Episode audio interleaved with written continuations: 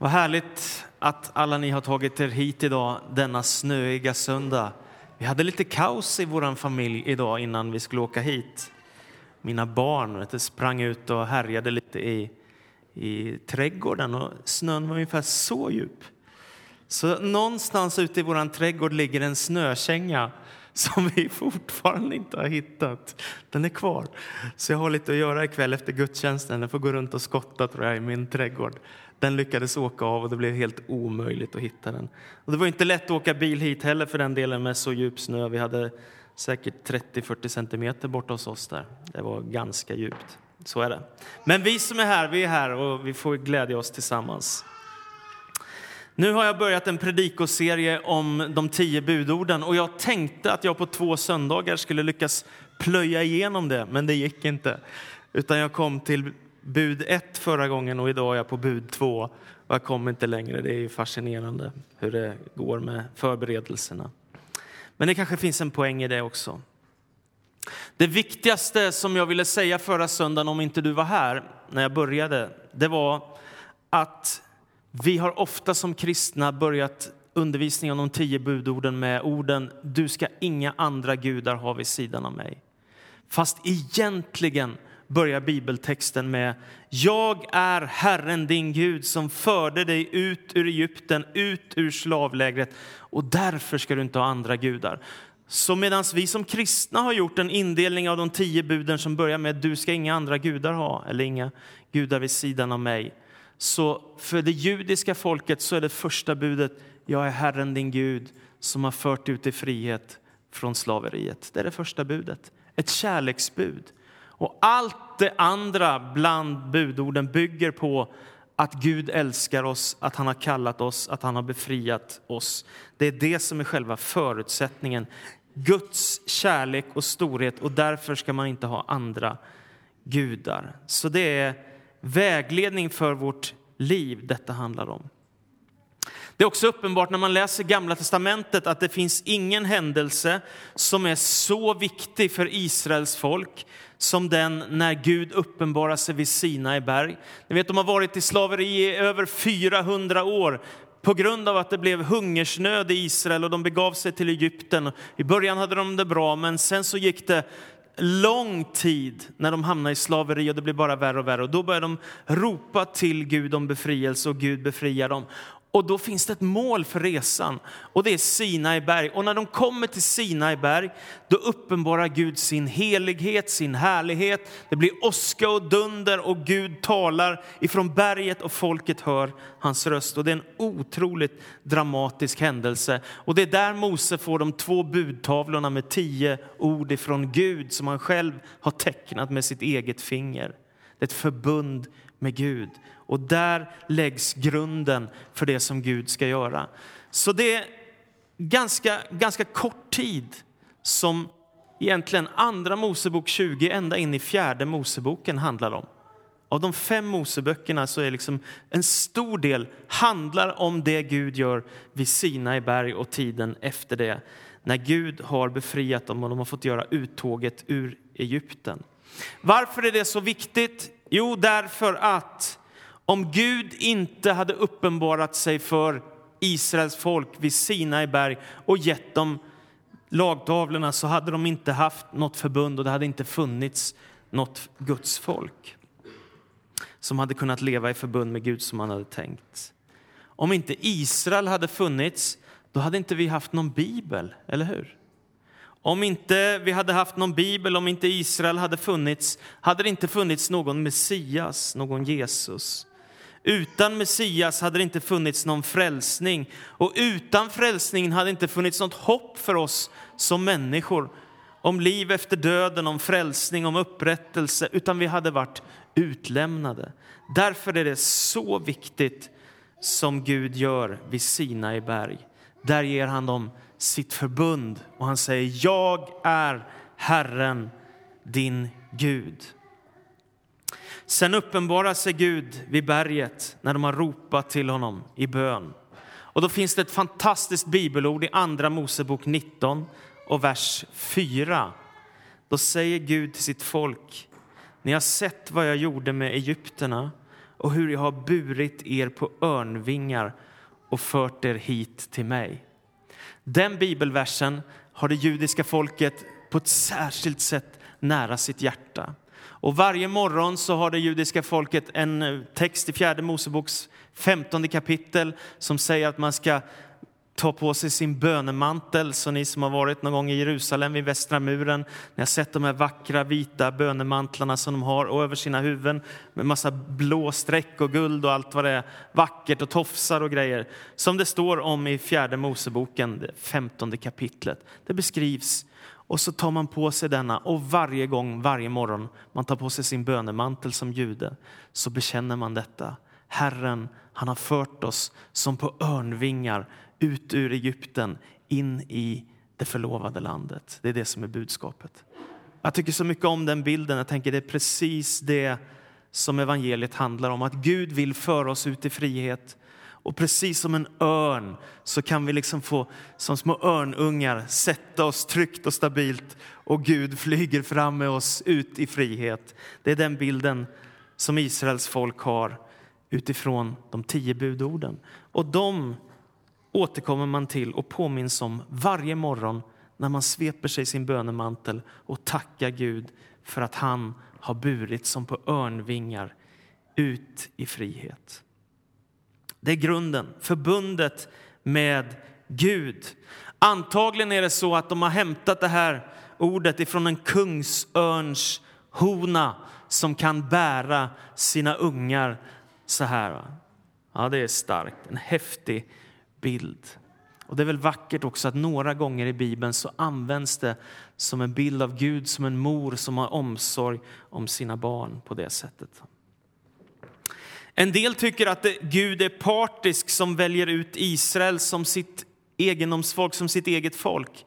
Varför gör han just det? Jo, efter alla de här svårigheterna från början när han skapat alla människor och syndafallet har kommit så börjar han ju om, först med Noa och hans familj, det är det första steget. Och sen går han vidare med Abraham och hans familj. Och då finns det massa löften och förbund knutna till detta som fullbordas vid Sinai berg när Israels folk får förbundstavlorna. Och redan från början så är tanken att detta är till för alla. När Abraham får sitt löfte av Gud att han ska bli välsignad så står det också att han ska bli till välsignelse. Han ska få en löftesson och han ska få se ett stort folk växa fram ur hans familj. Och sen till sist så säger Gud till Abraham och i dig ska alla släkten på jorden bli välsignade. Och när man läser Nya testamentet så kan man helt plötsligt se att i Kristus så uppfylls alla de löftena som har kommit genom Abraham och Noa och Sinai och allt detta. Allt får sin uppfyllelse i det som sker när Kristus kommer, när han dör för vår skull och uppstår från de döda, segrar över dödens makt. Då fullbordas det som Gud hade tänkt från början för att kunna kalla människor in i gemenskap med sig själv, in i förbund med sig själv. Det är fantastiskt. I Kolosserbrevet skriver aposteln Paulus alla löften har fått sitt ja och amen i Kristus. Och Det betyder ju att man behöver aldrig vandra ensam här i världen utan att det finns alltid en som går vid min sida, alltid en som älskar mig, som har omsorg om mig i livets alla omständigheter, enkla eller svåra. Det finns en man som heter Göran Larsson, han bor i Jerusalem, han är svensk, duktig författare och teolog. Han skriver så här. När Gud ger lagen så liknas det vid en kungamiddag där konungarnas konung bjuder också den allra minsta till sig som om han vore den enda gästen. Jag tycker det är så vackert skrivet. Alltså denna, detta att få tag på Gud, det är som att han sträcker sig ut till den minsta i hela världen och säger välkommen som om det vore bara du eller jag som satt vid Guds bord. Det är fantastiskt. Gud inbjuder oss till förbund med sig själv. Och Det finns ett nytt förbund i Kristus Jesus där du kan få ta emot av välsignelser av Gud, det liv som han har kallat dig till.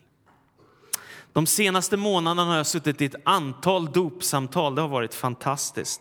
De har gjort mig så tacksam för jag ser människor här och nu som har blivit så berörda av Gud. Och senast häromdagen satt jag i dopsamtal med en människa som bara tårar i sina ögon för vad Gud har gjort i den människans liv. Och jag blir så tacksam. Gudsupplevelser som förändrar en människas liv. Att Gud har med sin kärlek och kraft berört så djupt att det liksom förändrar en människas hela liv och tillvaro. Många människor tror på Gud. Det är en sak. Det är en annan sak att själv verkligen ha kontakt med Gud och verkligen älska Gud och leva tillsammans med Gud dag efter dag och få bli fylld av den helige Andes kraft och möta Jesus, uppleva det som Gud har kallat oss till. Det är någonting helt annat. När Israels folk står vid Sinai berg så ser de någonting som världen antagligen aldrig har skådat förut. Gud uppenbarar sig själv. Gud talar med sin röst och de kan höra honom. Hans härlighet och helighet blir synlig. Så får Mose efter lång tid de två förbundstavlorna med de två, de två förbundstavlorna med de tio orden. Och det finns en författare som heter Joy Davidman. Hon skriver de tio budorden. De gav livet en form, ett mål, en mening, en plan. Och det är lagtavlornas sten som västerlandets civilisation har byggts upp på. Alltså allt det vi har vår historia kring, till det, hur vi vill forma livet som samhällen.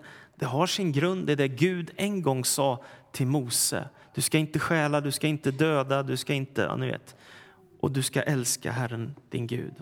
Allt detta har sin grund i det västerländska samhället, hos Mose och i Gamla förbundet.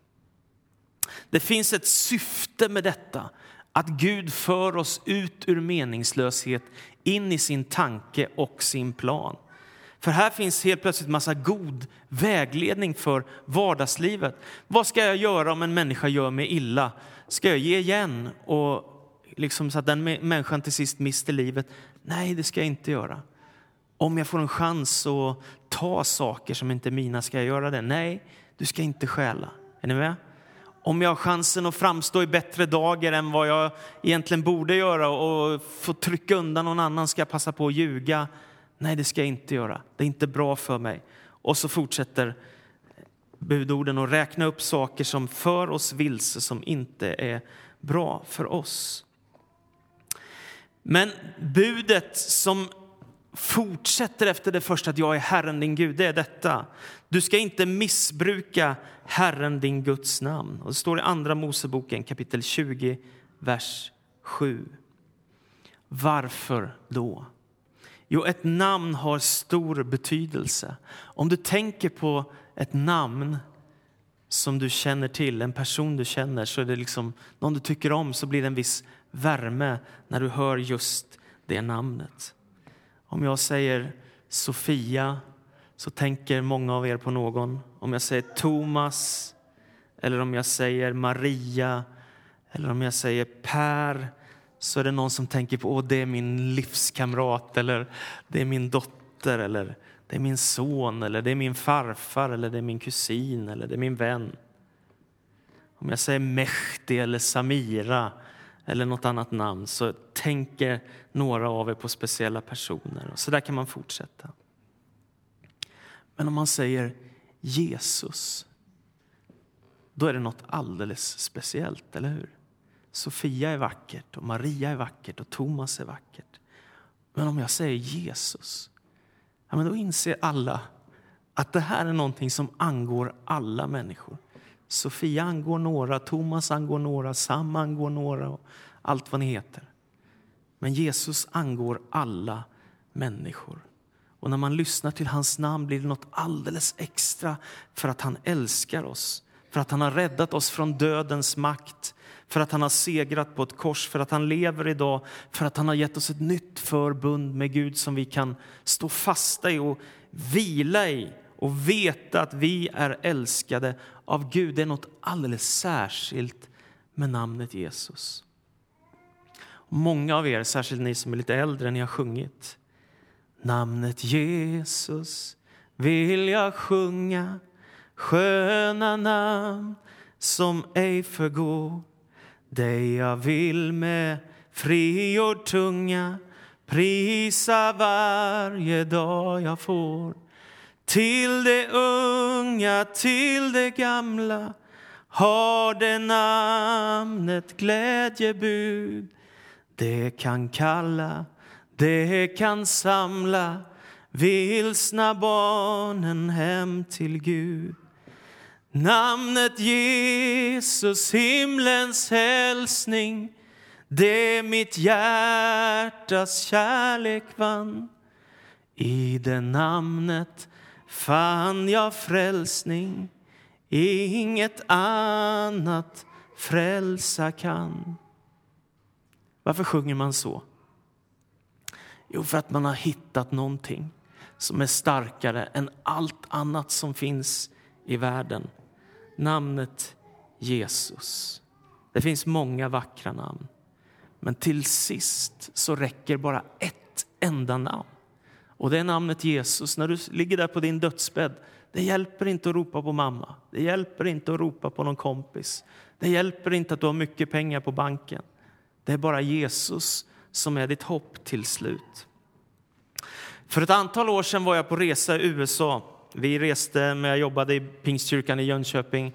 Jag reste med Bibelskolan där vi var 30-40 elever som reste iväg till Los Angeles. Och vi hade några underbara veckor där och vi besökte levande och växande församlingar. Vi var i en församling som heter Dream Center. De är fantastiska. De spelar rockmusik på sina gudstjänster. Tusentals ungdomar är samlade och det är fullt tryck och de blinkar med lampor och allt är så modernt som det bara kan vara. Och så kom vi till en sån här afroamerikansk gospelkyrka där Bishop Charles Blake, den bästa predikant jag hört, tror jag, predikar med en pondus så att man känner att man liksom nästan trillar omkull. Va?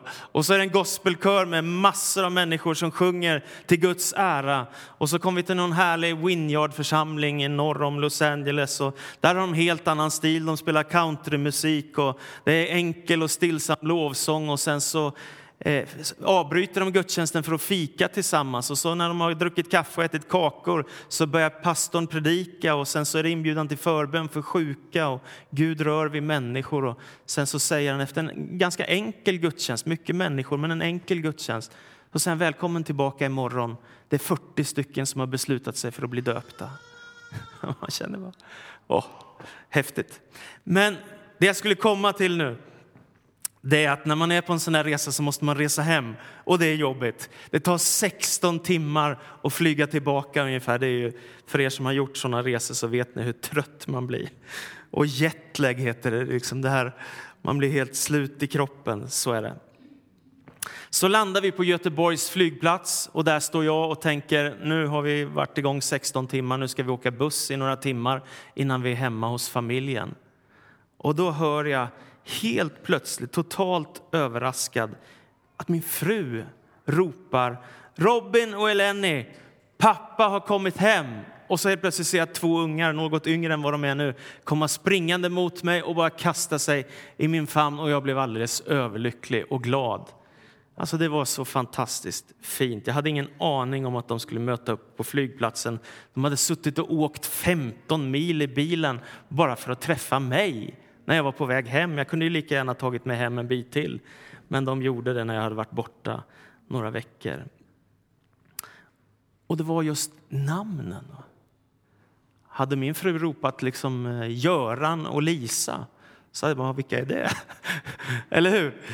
Men nu ropar hon Robin och Eleni och det är ju mina barn och då blir jag alldeles jätteglad och varm i hjärtat när jag varit borta från dem några veckor och känner det är något speciellt med att höra de där namnen. Det är något alldeles speciellt. Och du vet det i din familj hur det är för dig att höra din, dina familjemedlemmars namn. I Bibeln är det så att namnet har ett stor betydelse därför att namnet är så intimt förknippat med personen. Och det är ofta så att på hebreiska så betyder namnen någonting som inte bara liksom att man heter vad som helst utan det har ett speciellt syfte att man heter just det som man heter. Och Det är därför det första budet handlar om att man ska se till att inte ha andra gudar på tronen i sitt eget hjärta utan hålla det utrymmet för Gud själv. han som är vår skapare och Herre. Och inte nöja sig med skuggbilder av verkligheten eller surrogat för det som är det verkliga livet med Gud. Och du ska inte heller missbruka Herren, din Guds namn. Varför då? Därför att Gud är helig. Gud är helig. Och jag, ju längre jag lever så tänker jag det enda vettiga sättet att gensvara på Guds kärlek det är att falla på knä och inse jag är en liten människa som lever några korta år. Han är den evige, väldige skaparen, konungen och Herren som har allting i sina händer och som har makt att göra vad han vill, som älskar hela världen och som har en tanke en plan och syfte med hela kosmos som vi lever i. Inte bara ditt och mitt liv. Allt har han en tanke med. Guds allra heligaste namn, det är Javé. På hebreiska står det JHVH i, i grundtexten. Och de flesta tror att man ska uttala det som Javé. När de judiska skriftlärda skulle skriva av bibeltexten, för man hade ju inte kopieringsmaskiner på den tiden som man förr, som man har nu. Då var det så att man satt och så skrev man texterna, det kunde vara olika ord och olika versar och så helt plötsligt så såg man, oj nu kommer namnet Javé, Guds allra heligaste namn. Då hoppade de över det namnet och så skrev de vidare på verserna. Och sen så gick de ut och tvättade sina händer för att rena sig. Och sen gick de tillbaka och så skrev de med stor vördnad och respekt in Guds namn, Javé, den store som är i evighet.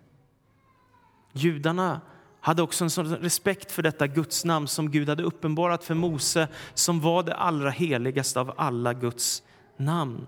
Så med tiden slutade man att säga det här gudsnamnet. Och det är därför vi fortfarande är lite osäkra på hur det exakt ska uttalas.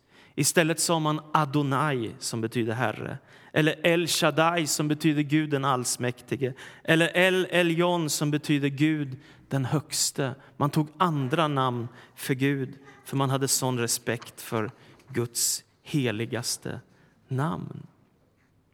Därför lär oss Jesus också att be. När han ber bönen Fader vår, så något av det första vi möter det är Låt ditt namn bli helgat. Låt ditt namn vara heligt för människor. Det gör någonting med när man, när man upplever helighet.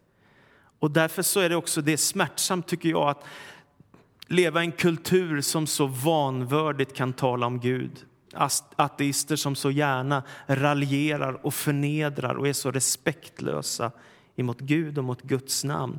Som gärna med stor glädje kränker och ärar och förtrycker liksom, och lyfter upp sig själva istället.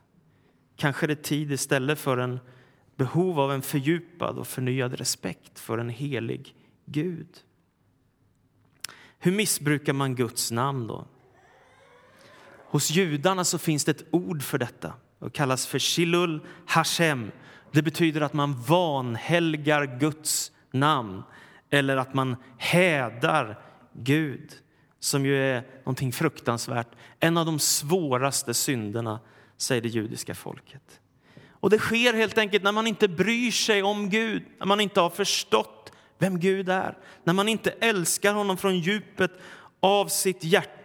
Då kan man lättvindigt skicka ut både det ena och det andra och det betyder ingenting. Och livets dagar bara rullar på och man lever på ytan i ytlighet. Som en författare sa, den här tiden är präglad av en stor förbannelse, ytligheterna. Man bara surfar på och glider på tills något svårt händer och man inser att livet så lätt är meningslöst. Man kan missbruka Guds namn. En del människor använder Guds namn som en svordom. Alltså man kastar in Guds namn som om det vore vad som helst, betyder ingenting. En del människor talar i Guds namn och jag kan fundera på, är det trovärdigt? Ibland hör jag människor som säger Gud sa till mig och då sa Gud till mig och Gud sa till mig och jag sa och då sa Gud till mig. Och jag har stor respekt för profetians gåva, det vill jag säga. Den har jag stor respekt för. Jag älskar, något av det bästa har varit i mitt liv till exempel att få lyssna till Olof Djurfält som fanns i den församling jag växte upp i, Philadelphia kyrkan i Stockholm. Han har många gånger stått upp och sagt så säger Herren. Och så har det varit profetiska ord med klar skärpa och rakt in i människors vardagsliv. Det är en sak, det tror jag helt och fullt på. Och det är jättestarkt när man är med om profetiskt tilltal som är äkta. Men det kan också missbrukas, att man använder Guds tilltal på ett lättvindigt sätt. Och jag säger inte att man inte får säga Gud sa till mig, men jag tycker att man ska ha lite respekt för det. Och inte bara då sa Gud och Gud sa till mig och han sa och då gjorde. Som om liksom det enda som händer i ditt liv är att Gud alltid talar till dig.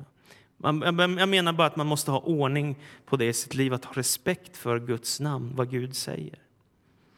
Och jag tänker också ibland så här, hur kan man stå där och så går man ner i dopets vatten och så lämnar man hela sitt liv till Jesus och säger du är min Herre och du är min konung och du är min frälsare.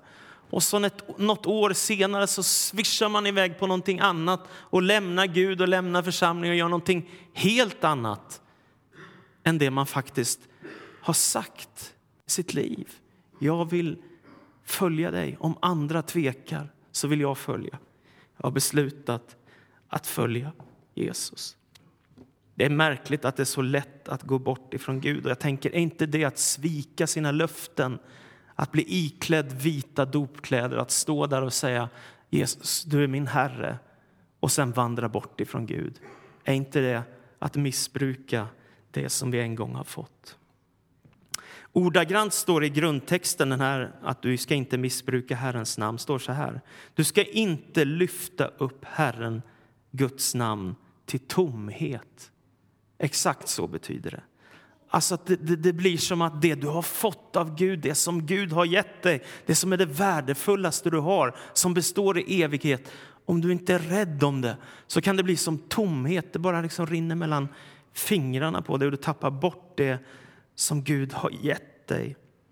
Och helt plötsligt så förvanskas det som Gud har tänkt för ditt liv.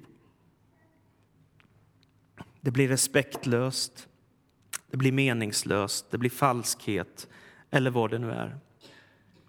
Aposteln Jakob han varnar för detta. Han, är otroligt drastisk, en av Jesu lärjungar.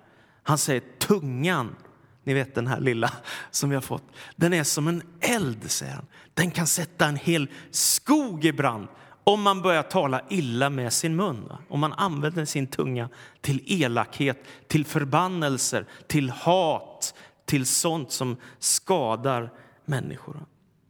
Och så varnar han i det tredje kapitlet och den nionde versen säger han med tungan tackar vi och lovar vi vår Herre och Fader och med den förbannar vi människorna som är skapade till Guds avbild.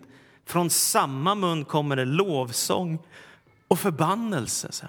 Och så får det inte vara, säger han.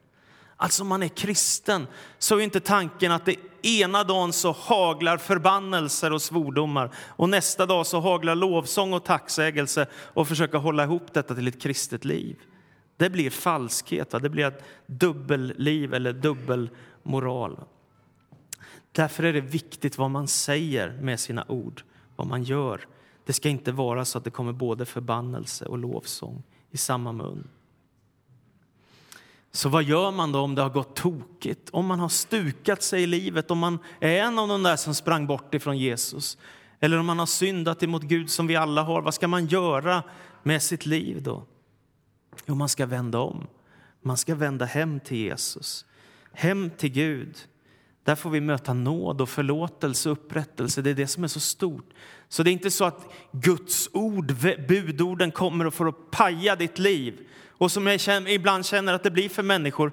Man gör något tokigt, man kliver över en gräns som man inte hade tänkt och helt plötsligt är det som att man måste lämna både Gud och församling och bön och liksom allt bakom sig. jag ska inte ha något med det att göra bara för att jag gick över en gräns som var fel. Men det är precis tvärtom. När i hela världen behöver du Guds nåd. Ja, det är ju när det gick fel, eller hur? Och istället ska du vända dig om och komma hem till Fadern. Och så kommer han möta dig med sin kärlek och frälsning och nåd och upprättelse. Gud har inte tänkt att sabba ditt liv, utan han har tänkt att bemöta dig med sin kärlek. Till sist, det starkaste uttrycket för förbundet med Gud är dopet i vatten.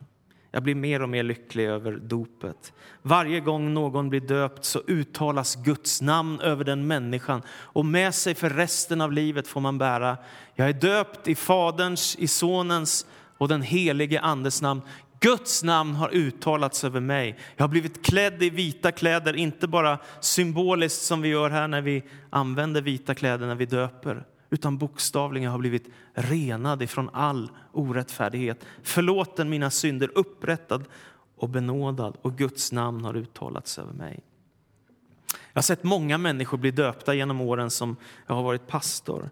Ett av de finaste dopen jag har varit med på det var en tjej som kom till tro på Jesus mitt i livet. Hon hade haft det ganska tufft, hon hade ingen kristen bakgrund, ingen kyrklig erfarenhet. Och så steg hon ner i dopgraven iklädd vita kläder och så stod hon där och en pastorskollega till mig döpte henne. Och så blev hon nedsänkt och så kom hon upp. Och när hon kom upp ur dopgraven så sa hon Yes! och jag tycker det var så härligt. Hon har fattat vad det där handlade om.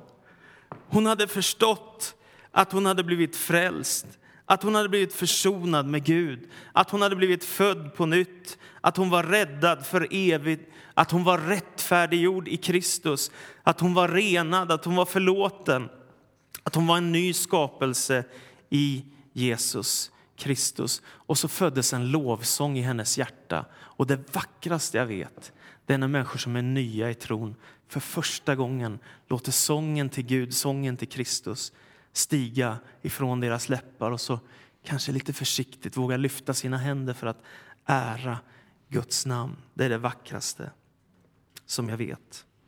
Därför, så, om du inte är döpt, så se till att du blir döpt.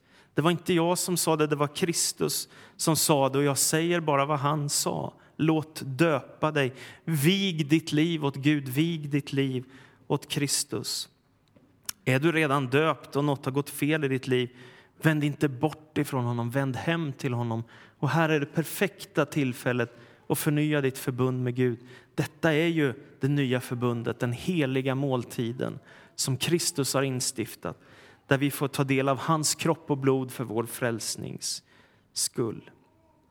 Du har ett förbund med Gud och du kan söka förbön. Som avslutning säger Herren i Jesaja 32.